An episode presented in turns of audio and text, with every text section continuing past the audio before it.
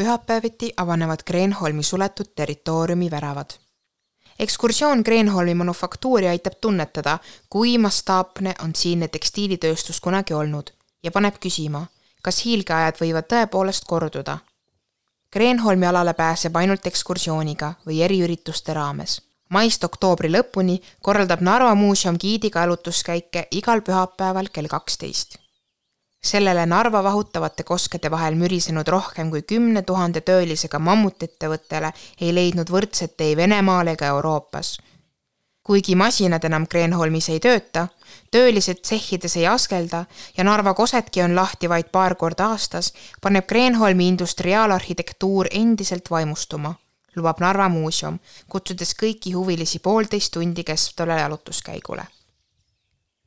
suurim ja moodsaim mina olen sattunud ekskursioonile, kus teejuhiks teisele poole kunagise tekstiilihiiu väravat oli Narva muuseumi peavarahoidja Aili Vester. tema esimene töökoht pärast keskkooli oli Kreenholm, nagu vist enamikul narvalannadest. ringkäigu kõige tähendusrikkam peatus on vana ketrusvabriku juures, mis sai nurgakivi tuhande kaheksasaja viiekümne seitsmendal aastal just seal algas Vene Inglise ja Saksa kapitaliga püsti pandud manufaktuuri ajalugu, mille sisse jäi mitu aastakümmet, kui Kreenholm oli suurim tekstiilivabrik kogu Euroopas ja moodsaim tööstusettevõte Venemaa keisririigis.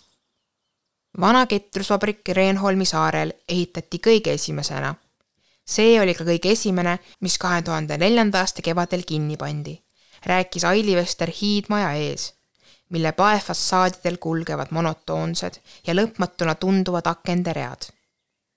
vana ketrusvabriku hingusele minek oli avamäng edasistele koondamistele ja kunagise mammutiettevõtte pankrotistumisele kahe tuhande kümnendal aastal. kahe tuhande viieteistkümnendal aastal olin tunnistajaks Narva Kultuurifoorumil osalejate arutelule, kas kunagi võib see ketrajatest maha jäetud hiigelhoone ja siseõu täituda kauni muusikaga sel hetkel tundus kahtlejaid olevat rohkem kui uskujaid. viimastel aastatel on aga kultuurne unistus saanud tõeks ja aeg-ajalt pulbitseb vana ketrusvabriku õuel ning sammassaalis kontserdi- ja teatrielu. nii on vabrikuseinte vahel peetud linnakultuurifestivali Station Narva ja Narva ooperipäevi. Narva ooperipäevade kunstiline juht Julia Savitskaja tõdes, et publikule pakub ooperi ja Kreenholmi arhitektuuri kombinatsioon tohutu suurt huvi lõi täiesti pahviks. kõige suurema publiku hulga on aga Kreenholmi toonud Tartu Uus Teater, kes lavastas Joala tänaval tragöödia Jaak Joalast.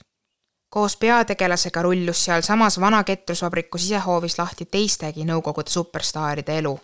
teatri endine juht Raul Oreškin kinnitas, et Narva oli parim koht suvelavastuse Kremli ööbikut tegemiseks. kui käisime näitetrupiga Kreenholmis, jäi kõigil väga võimas tunne ükskõik kui palju on inimesed Kreenholmi piltidel näinud, on kohapealne emotsioon ikkagi väga tugev.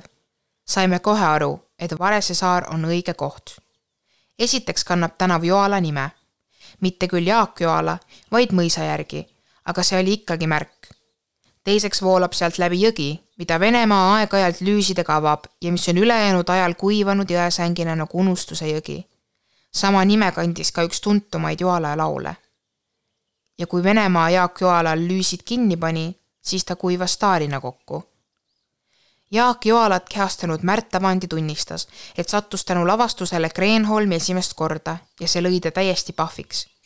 see oli küll nukker ka, aga võimas. meile räägiti Kreenholmi ajaloost, sellest, kuidas kunagi oli see omaette linn, õigupoolest riik riigis, oma haigla ja kultuurimajaga. see, mida seal praegu näeb, viitab sellele, et see võiski nii olla.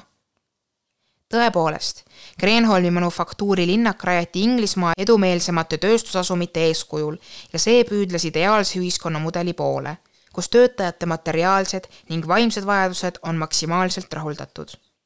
asumis oli oma kool ja lasteaed, luterliku ja vene apostliku õigeusu kirikud, kauplused ja isegi arestimaja rõhku pandi ka hoonete arhitektuurile ja läbivaks kujunes historistlik stiil. üks historitsistlik villa, mis ehitati Kreenholmi tehnilisele direktorile John Carrile elumajaks ja mida narvalased teavad hilisema Kreenholmi kultuurimaja ning raamatukoguna, on saanud uue elu loomeinimeste pesana, rahvusvahelise kunstiresidentuurina eluvaim tuleb tagasi. Kreenholmi saarelt saab kiigata ka üle jääsängi Venemaale, kus paistavad vanad lina- ja ketrusvabrikud. Need jätavad mahajäetud ja kummitusliku mulje. Kreenholmi on vähemalt eluvaim tagasi imbumas. manufaktuuri Rootsi omanikel, osaühingul Narva Gate, on selle kolmekümne hektari suuruse maa-ala suhtes ambitsioonikad plaanid kõik nõukogudeaegsed hooned on praeguseks lammutatud ning alles on jäetud vaid muinsuskaitsealused ajaloolised tehased. Tulevikus võib see mahajäetud kvartal täiesti uue hingamise saada, kui see õnnestub muuta piirilinna uueks ja atraktiivseks keskuseks koos elumajade, meelelahutus- ja kultuuriasutuste, konverentsikeskuse, hotellide ja kaubandusettevõtetega. millal see kõik juhtub, on miljoni dollari küsimus aga uue energia esimesed pääsukesed on juba lendu läinud või hoovutu rajal.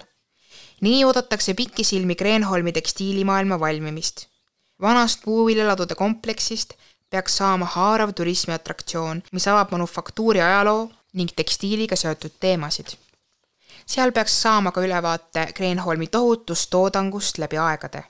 tekstiili külastuskeskus annab järjekordse tõuke, et Kreenholmi piirkond hakkaks arenema kui saame selle laeva liikuma, hakkab sinna ligi ujuma igasuguseid kalu ning sellest saavad kõik kasu, on osaühingu Narva Gate tegevjuht Jaanus Mikk lootusrikas.